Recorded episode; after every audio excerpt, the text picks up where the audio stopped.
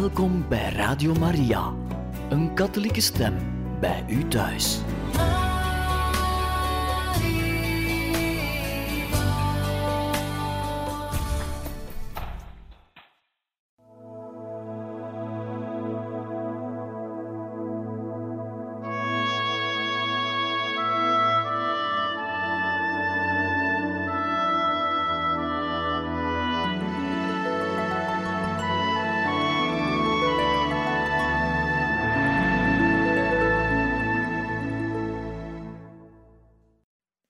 Luisteraars van Radio Maria, hartelijk welkom in dit programma Heilige Getuigen, waar wij verder gaan met de lezing van het boek De Wenende Maagd van La Salette, geschreven door eerwaarde heer de Vleeschouwer. Wij zijn nog steeds in hoofdstuk 7, zin en betekenis van de verschijning, en we beginnen nu met het onderwerp de geheimen. We hopen dat deze lezing u veel deugd zal doen. De kinderen aanhoorden uw klacht, vol droefheid en weemoed en liefde, om het mensdom dat God zo veracht, hem pijnigt en tergt en hem griefde. Zoals we weten uit het verhaal van de verschijning, had de schone dame aan Maximin en Melanie elk afzonderlijk een geheim toevertrouwd. Ze wilden het zelfs aan elkaar niet verklappen en ze voelde er ook geen behoefte toe. Het is de pastoor van Cor die op 28 september tijdens zijn onderhoor van de kinderen op de plaats zelf voor het eerst ontdekte dat er een geheim aan de boodschap van de dame verbonden was. Toen hij na hun verhaal aan de kleinen nog een laatste vraag stelde: Is dat alles wat de dame gezegd heeft? antwoordde ze: ze heeft ons nog iets gezegd, maar ze verbood ons er met iemand over te spreken. Het ligt hier niet in onze bedoeling de geheimen van La Salette te ontsluieren. We beperken ons slechts tot een korte uiteenzetting van die kwestie. Zodra de publieke opinie vernam dat er hier geheimen aan verbonden waren, was ze uiterst nieuwsgierig om die te kennen maar hoe ze zich ook inspande, nooit heeft ze die kunnen achterhalen. Niet tegenstaande alle pogingen, listen of bedreigingen, bleven de herders halstarrig weigeren er iets over te zeggen. De kardinaal aartsbisschop van Lyon stond zeer sceptisch en zelfs vijandig tegenover die zogenaamde verschijning van onze lieve vrouw te La Salette. Kost wat kost wou hij de knoop doorhakken, en hij was van mening langs die fameuze geheimen het bedrog te kunnen ontmaskeren. Heel diplomatisch wist hij van Paus Pius IX de opdracht te bemachtigen om van de twee kinderen hun geheimen op te eisen. Op 21 maart 1851 gelaste de kardinaal de kanunnik Auvergne, een groot diplomaat en zeer fijn psycholoog, om in naam van zijn heiligheid de kinderen te verplichten hem hun geheimen mee te delen. De kanunnik ging naar het klein seminarie van Rondeau, waar Maximin, thans vijftien jaar oud, pas enkele maanden op school was. Maximin, zo begon hij, ik kom u over een uiterst gewichtige zaak spreken. Belooft ge me dit aan niemand voor te vertellen? Ja, eerwaarde. Kan de Heilige Kerk zich vergissen? Nee, eerwaarde. Als de paus, plaatsvervanger van Jezus Christus, spreekt in naam van de Kerk, kan hij zich dan vergissen? Nee, eerwaarde. Moest de paus uw geheim vragen, Zoudt gij het hem zeker zeggen, nietwaar? Ik ben nog bij de paus niet. Als ik voor hem sta, dan zal ik nog zien. Wat? Je zult nog zien? Ja, dat hangt af van wat hij zal zeggen en wat ik zal antwoorden. Als hij u verplicht uw geheim te zeggen, zult gij het dan nog verzwijgen? Als hij me verplicht, zal ik het hem zeggen. Dat is wel, mijn jongen. Ik ben tevreden over uw goede gesteltenis. Van hier ga ik naar Coranque bij Melanie om te zien of zij ook zo goed gestemd is als gij, om aan de paus haar geheim mee te delen. Vanuit Rondeau ging kanunik Auvergne rechtstreeks naar het klooster van de zusters van de voorzienigheid, te Coranque, waar Melanie postuleerde. Op zijn verzoek aarzelde Melanie veel meer dan Maximin. De heilige maagd heeft mij verboden het te zeggen, herhaalde ze voortdurend. Ja, antwoordde de kanunik, maar de heilige kerk heeft uw geheim nodig om de waarheid te achterhalen. Je zult het zeggen, nietwaar, als de paus het u beveelt? Ja, ik zal het hem zeggen, maar aan de heilige vader alleen en voor hem alleen. Ze weigerde hardnekkig door tussenkomst van een bisschop, een kardinaal of van gelijk welk andere kerkvoogd haar geheim aan de paus bekend te maken. Een paar dagen later kreeg Melanie een nieuwe ondervraging. Toen scheen ze wat meer bezadigd. Als de paus u vraagt hem uw geheim te zeggen, zult ge het dan doen? Ja, eerwaarde. Zult het dan oprecht en openhartig zeggen? Ja, eerwaarde. En ge zult het zeggen zonder dat ge heilige maagd te beledigen? Ja, eerwaarde. Als de paus iemand in zijn plaats aanduidt om hem uw geheim over te maken, zult ge dan aan die persoon zeggen: Nee, eerwaarde, ik wil het maar alleen zeggen aan de paus als hij me dat gebiedt. En als de paus het u oplegt, hoe gaat ge het hem dan meedelen? Ik zal het hem zelf persoonlijk zeggen, ofwel zal ik het schrijven in een verzegelde brief.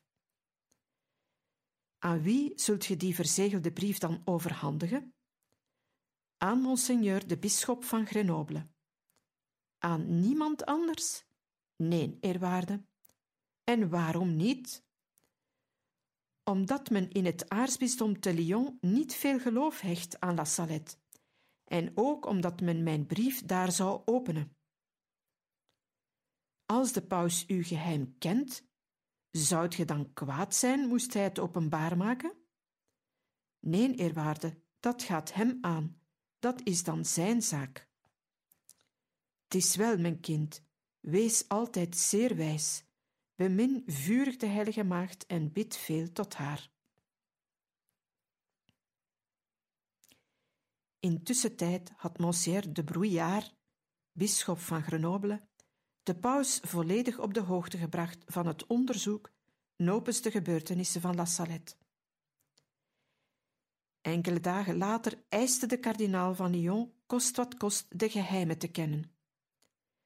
De bisschop van Grenoble zat genepen tussen het bevel van de kardinaal en de hardnekkigheid van de kinderen, die van de aartsbisschop volstrekt niets wilden horen.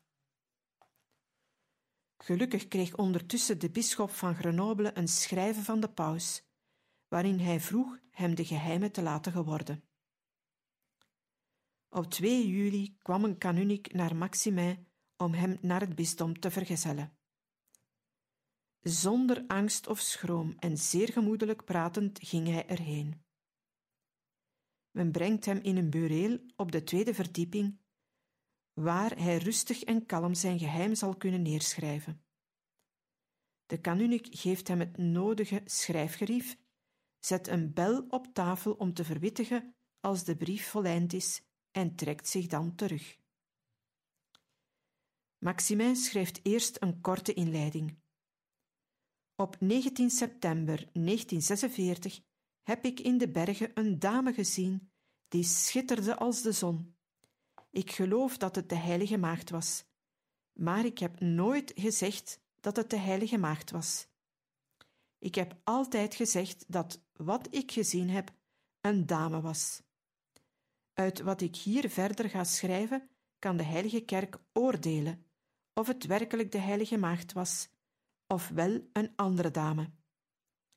Midden in haar verhaal heeft ze mij een geheim meegedeeld, nadat ze gezegd had dat de druiven zullen rotten en dat de noten zullen slecht worden. Maximin belt en toont deze inleiding aan de kanunik.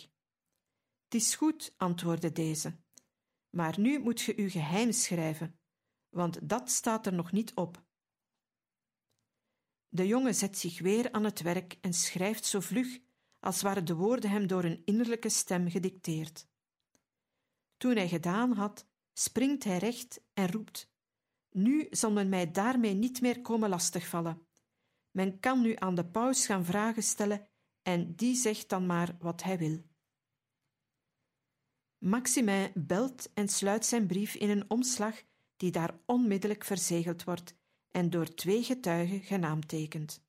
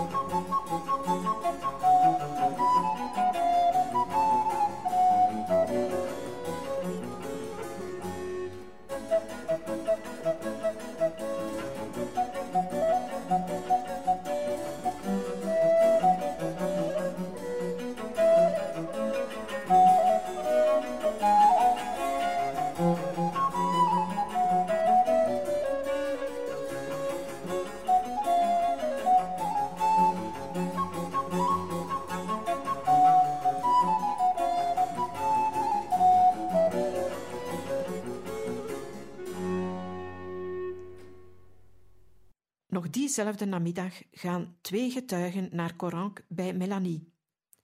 Het meisje kan niet beslissen. Ze aarzelt en tot slot begint ze te wenen. Ze kan er maar niet toe besluiten. Het wordt reeds laat in de avond. Eindelijk belooft ze de volgende dag te zullen schrijven.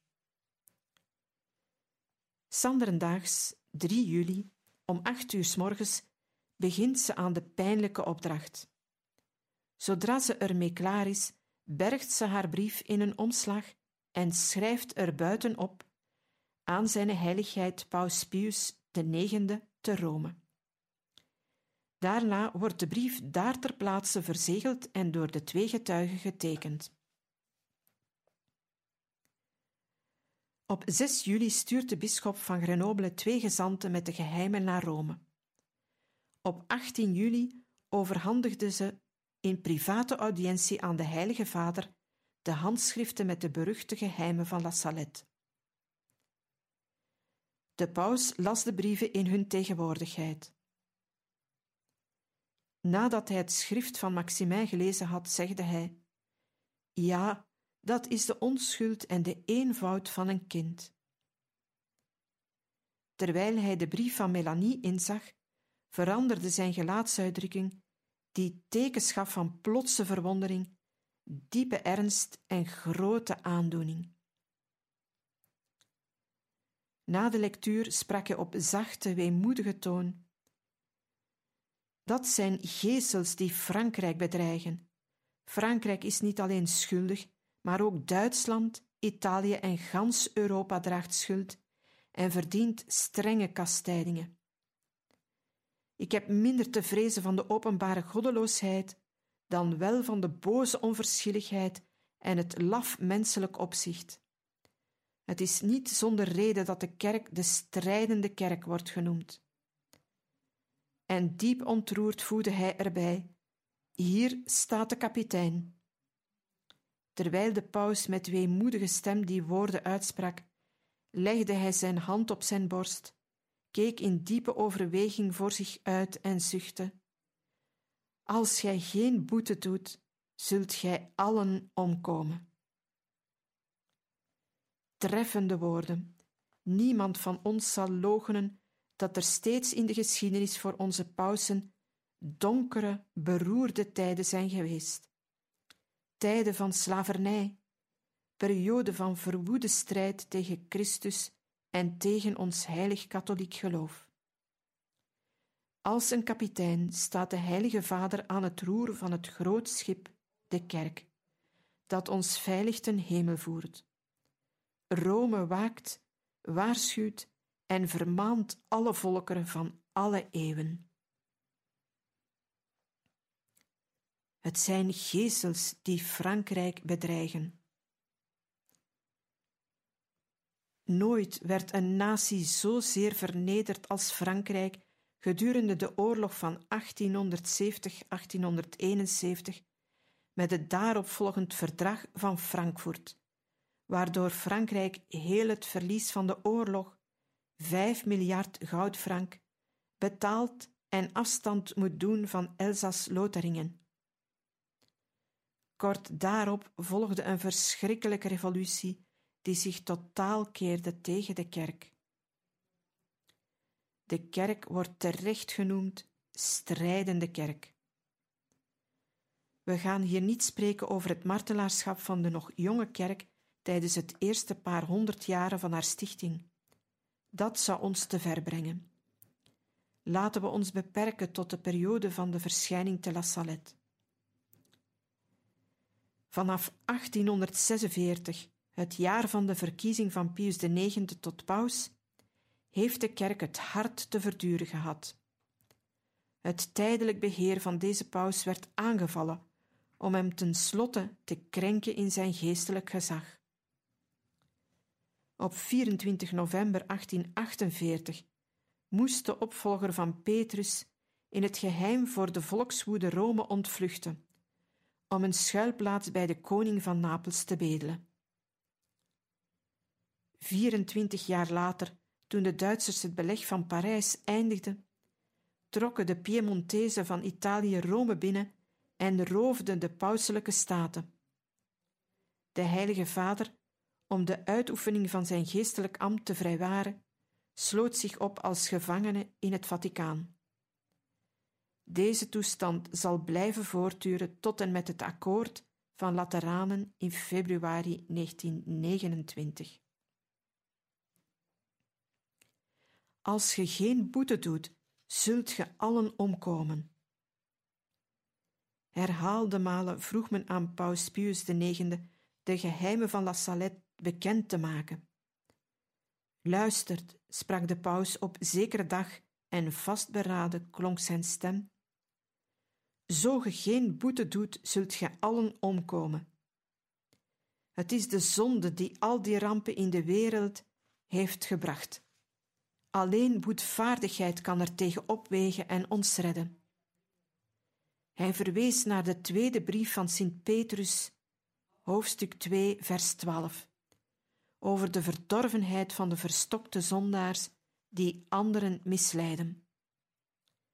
Deze echter, als redeloze dieren van nature geboren tot vang en verderf, lasterend over dingen die zij niet kennen, zullen in hun eigen verderf ook ten verderve gaan.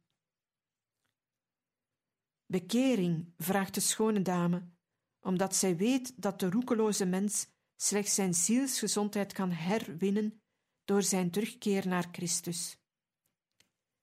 Maria weet dat er in elke dode ziel nog een schemer is van verre zaligheid en dat Christus ook voor de verstokte zondaar niet altijd totaal en gans verloren is. Een afvallige schreef volgend idee in zijn dagboek. Gedenk, o God, dat wij over u niet kunnen heenstappen, want in iedere ziel is er een plaatsje waaruit gij u niet laat verdrijven. Moeten we meer weten over de geheimen van La Salette? Dit is volstrekt nutteloos, want Gods kommer en onverwoestbare liefde spreken duidelijk genoeg uit de woorden van de wenende lieve vrouw. Veel later zijn er zogenaamde teksten over het geheim van Melanie gepubliceerd, en al verschenen die zogezegd onder haar naam, toch kunnen die niet als echt worden aanzien. Ze komen immers veel later, zodat ze niet kunnen beschouwd worden als de authentieke geschriften van de kinderen aan Pius IX. Ze komen zelfs geruime tijd na de kerkelijke goedkeuring over de gebeurtenis van de verschijning van de Heilige Maagd te La Salette. Daarbij heeft de Heilige Stoel er de publicatie van verboden. In 1915, tijdens de oorlog, werden de geheimen van La Salette met hun zogenaamde apocalyptische voorspellingen terug opgerakeld, zodanig dat de hoge congregatie van het heilig officie met een speciaal decreet diende tussen te komen. Dit decreet kan samengevat als volgt. De heilige congregatie heeft vernomen dat spijts het vroeger verbod door de heilige congregatie uitgevaardigd, er terug boeken, trakten en artikels worden gepubliceerd die handelen over de inhoud van het geheim van La Salette, met toepassing op de huidige oorlogstijd en op de toekomst.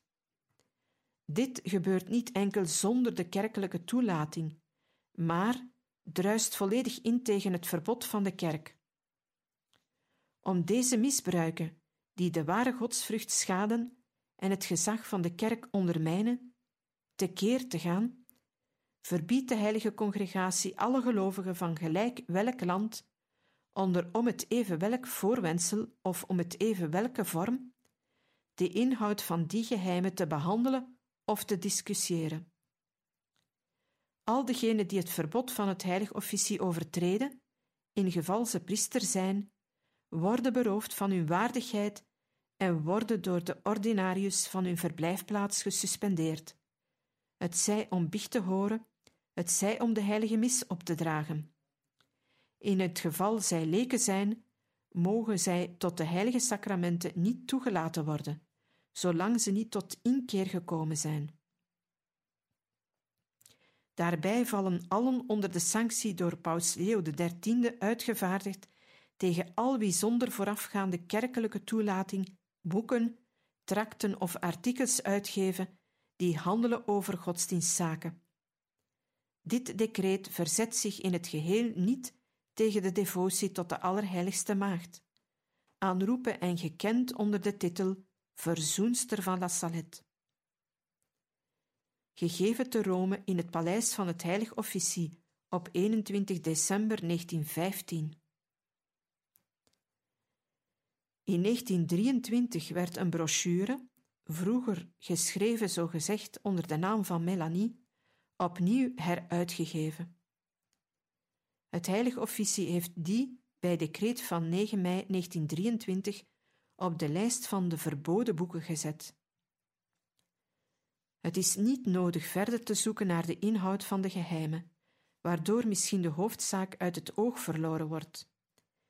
De aangrijpende omstandigheden van de verschijning, de tranen van de wenende moeder, de hemelse woorden, de zo dringende oproep tot gebed, versterving en boete zijn een duidelijk bewijs van de eis die Maria stelt voor de verzoening met haar goddelijke zoon. Hoofdstuk 8 uitspraak van het kerkelijk gezag.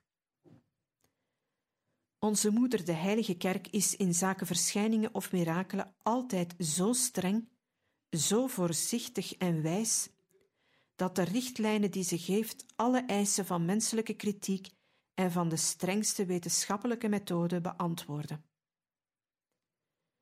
Voor de bisschop van Grenoble was het plicht het feit van La Salette te onderzoeken volgens de regels en de voorschriften door de kerk bepaald. Het onderzoek ingesteld door de pastoor-deken van Cor was maar een inleiding om de zaak aan het oordeel van het bisdom voor te leggen. De bisschoppelijke raad zou er dan verder op doorwerken. De procureur van de koning en de vrederechter van het kanton hadden dat eigenaardig geval ook reeds onderzocht. Maar voor de kerk was dit niet voldoende, daar er voor de burgerlijke tribunalen een onoverkombare struikelblok in de weg lag door de aanwezigheid van een bovennatuurlijk en onzichtbaar wezen, de Heilige Maagd. Monseigneur de Bruyard, bisschop van Grenoble, nam de zaak van La Salette niet licht op. Wel in tegendeel. Vooraf zocht en speculeerde hij op alle mogelijke motieven om heel dat geval te verwerpen. Met de uiterste voorzichtigheid ging hij te werk en drong door tot in de kleinste details. Te meer dat hij hier op de hielen gezeten werd door een afvallig priester uit zijn bisdom, die er zich kordaat met alle geweld tegen verzette. Daar La Salette onder de bevoegdheid valt van de dekenij van Cor, was het de taak van deken Melin zo nauwkeurig mogelijk zijn bisschop over de gebeurtenis op de hoogte te stellen. Zoals reeds hoger gezegd begon deken Melin aan dit onderzoek op 26 september, acht dagen na de verschijning. Bij het vernemen van die wondergeruchten liet hij Maximin bij zich ontbieden. Het toeval wilde dat Melanie nu ook juist voor een paar dagen te Cor was. Onder hun getweeën gingen ze naar de dekenij. De deken toonde zich erg verontwaardigd over die wondere dingen die zij hadden rondgestrooid. Met kritische en strenge blik deed hij hen elk afzonderlijk de gebeurtenis vertellen. En daarna trachtte hij hen met een massa strikvragen in tegenspraak te brengen. De oprechtheid, de naïeve eenvoud en de religieuze eerbied waarmee de kinderen hun geval vertelden, trof hem tot in het diepste van zijn ziel. Hij wou de plaats van dichtbij verkennen. Daarom ging hij zelf op 28 september samen met de twee kinderen, zijn koster en nog enkele vooraanstaande personen naar het gebergte. Nadat hij daar alles gezien, beluisterd en overwogen had, was hij persoonlijk overtuigd van de echtheid van de verschijning. Maar het was zijn taak niet daarover uitspraak te doen. Daarom hield hij zich voorlopig uiterst terughoudend. Op 4 oktober bracht hij in het bisdom verslag uit over zijn bevindingen en voegde eraan toe: Het verhaal van de twee kinderen heeft buitengewoon effect teweeggebracht op het volk van de streek en vooral op de mannen. Hoge gezagsdragers hebben de kleine bedreigd en gedwongen te zwijgen. Men heeft hen veel geld geboden om het tegenovergestelde te zeggen, maar dat alles vermocht niets. Aan gelijk wie het horen wil, herhalen ze steeds hetzelfde.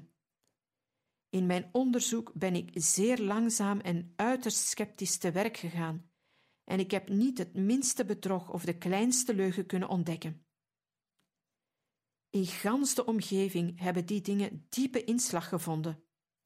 Er is reeds een grote kentering te bespeuren. Veel meer volk gaat de zondag naar de mis en laat dan alle zwaar werk.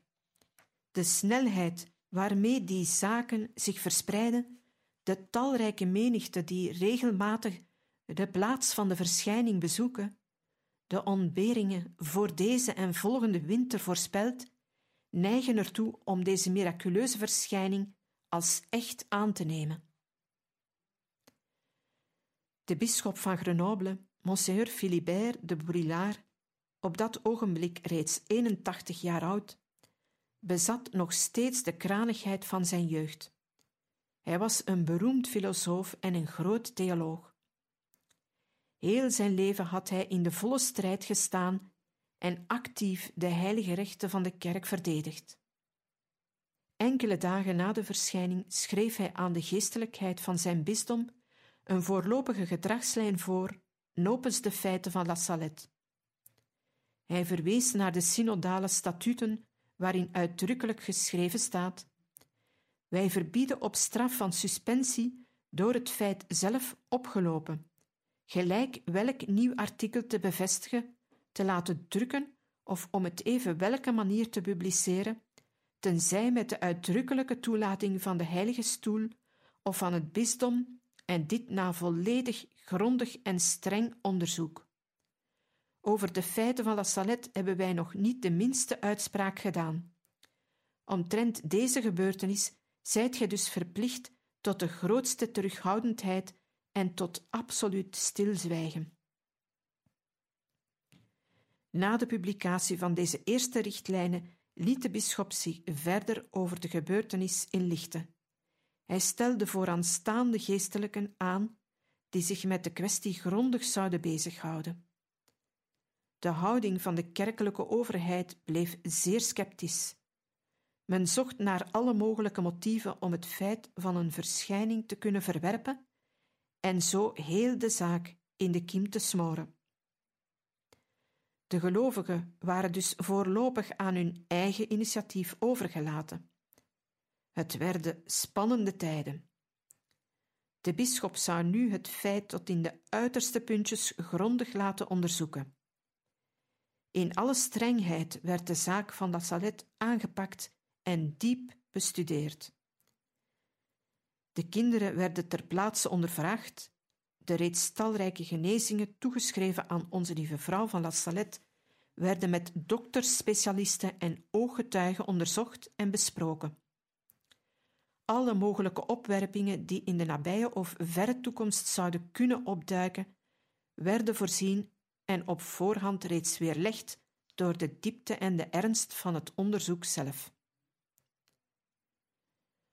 Nog geen drie maanden waren verlopen of de bisschop had reeds een lijvig dossier in zijn bezit.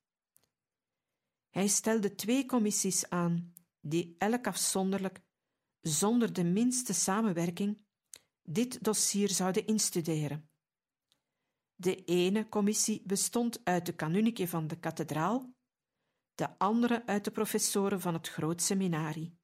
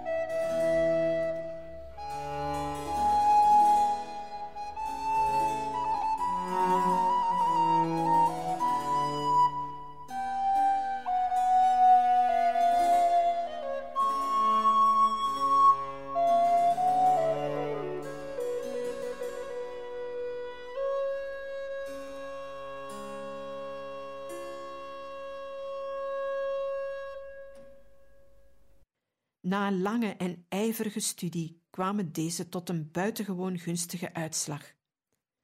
De getuigenissen die ze aan monseigneur voorlegden, boden alle waarborgen en konden niet betwijfeld worden. Hun besluiten vatten ze samen in drie absoluut vastgestelde feiten. De vlugge en buitengewone weerklank van de verschijning. De talrijke langdurige ondervragingen van de twee kinderen door verstandige, wijze en voorzichtige personen, die er vol wantrouwen tegenover stonden. Het grondig onderzoek van de plaats waar het feit zich had voorgedaan. Ten tweede, de bruske bekering van de mensen van Cor en omgeving, bekering waarin ze ook bleven volharden. Ten derde, de alom gekende aan algemeen aangenomen buitengewone gunsten en genezingen, bekomen door de aanroeping en de voorspraak van onze lieve vrouw van La Salette en door het water van de bron, die van toen af als miraculeus werd beschouwd. Zover stond men met het onderzoek op 15 december 1846. Maar om zo een belangrijk feit te doen aanvaarden, was het getuigenis van de twee herders zeker niet voldoende. De hemel moest ook zichtbaar tussenkomen door ontegensprekelijke, duidelijke mirakelen. Daarop wachtte de bisschop van Grenoble.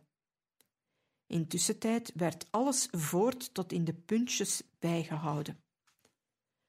Pas zeven maanden daarna verscheen de eerste publicatie van het resultaat van het onderzoek. Van nu af liet de bisschop aan de priesters toe de bedevaarten en processies naar Onze Lieve Vrouw van La Salette te vergezellen en te leiden. Maar dat alles was nog geen uitspraak van het hoogste gezag. Het diende slechts om de gelovigen voor te bereiden op het oordeel van de kerk dat pas veel later komen zou. De bedevaarten, gedurende de strenge wintermaanden door de overvloedige sneeuwval onderbroken, herbegonnen met nieuwe ijver bij de volgende lente. Sommige dagen telde men vijf à zesduizend pelgrims. De enen gingen uit pure nieuwsgierigheid, de anderen uit volle overtuiging en zuivere Maria-devotie. Die overweldigende massa verspreidde zeer snel overal het nieuws van de steeds meer toenemende wonderbare genezingen. Dat trof ook de aandacht van de bisschop, die met de volgende feiten rekening hield. Ten eerste, met de geweldige invloed van het feit op de algemene opinie over een groot gedeelte van het land. Ten tweede, met de wondere miraculeuze genezingen bekomen op de plaats zelf of door het gebruik van het water van de bron. Ten derde, met de dagelijkse aanvragen uit alle streken om over de gebeurtenis een definitieve beslissing te bekomen. Ten vierde, met de ontelbare pelgrims die regelmatig op het bisdom verslag kwamen brengen van hun persoonlijke bevindingen. Daarom stelde hij twee theologen aan, de vicaris-generaal Rousselot en kanuniek Orcel, president van het Groot Seminarie, om persoonlijk de bekende genezingen te gaan onderzoeken. Dit was een gelukkige keuze, want beide stonden zeer achterdochtig en uiterst wantrouwig tegenover de zaak van La Salette.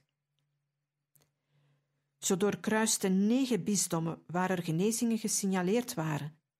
Overal werden ze vol enthousiasme ontvangen en overstelpt met tal van wondere verhalen over niet te betwijfelen miraculeuze genezingen. Na een maand kwamen ze van hun rondreis terug en overhandigden aan monseigneur een dik dossier van al hun bevindingen, terwijl ze geestdriftig verklaarden: Excellentie, wij bieden u oprecht gemeend, volledig te goeder trouw en met alle eenvoud al hetgeen we zelf hebben gezien, al wat we van geloofwaardige getuigen hebben vernomen, al de authentieke documenten die we over het buitengewoon feit van La Salette konden verzamelen. Als we onze gevoelens zo openhartig uiten en verdedigen, dan is dat om aan Zijn Excellentie onze persoonlijke overtuiging te laten kennen.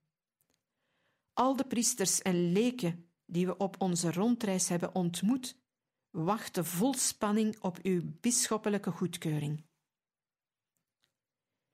Niet tegenstaande al die betrouwvolle bewijzen, was monseigneur Philibert nog niet overhaastig om zijn oordeel uit te spreken. De twee commissies moesten eerst dit nieuw dossier grondig onderzoeken en uitpluizen. De bisschop wist dat de verschijning van La verwoede tegenstanders kende. Daarom eiste hij over alle mogelijke punten de volstrektste zekerheid. De revolutie van 1848, de noodlottige gebeurtenissen die de vrome paus Pius IX uit Rome verjoegen, het schreeuwend onrecht, de handhaving van de onbetwistbare rechten en plichten van de kerk en nog andere grote moeilijkheden die uit alle hoeken en kanten opdaagden, vertraagde de uitspraak van de bisschop tot in 1851. Intussen kwamen nieuwe grote mirakelen de echtheid van de verschijning nog meer bekrachtigen. Drie jaar na de verschijning schreef de nieuwe pastoor van La Salette, de broer van de voorgaande pastoor. Met bewijsstukken in de hand kunnen we thans getuigen dat er tot op heden meer dan 250 duidelijke genezingen bekomen werden door de machtige voorspraak van onze lieve vrouw van La Salette.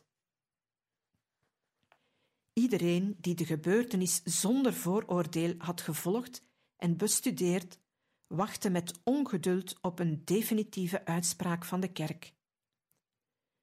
Monseigneur de Brouillard was van mening dat hij niet langer de hemel weerstand mocht bieden, oordeelde het ogenblik gekomen om zich eindelijk over de zaak uit te spreken.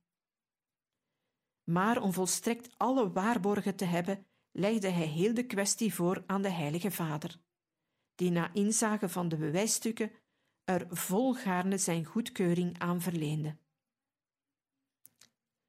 Op 19 september 1851, de vijfde verjaardag van de verschijning, publiceerde de bisschop van Grenoble de uitspraak van het hoogste kerkelijk gezag.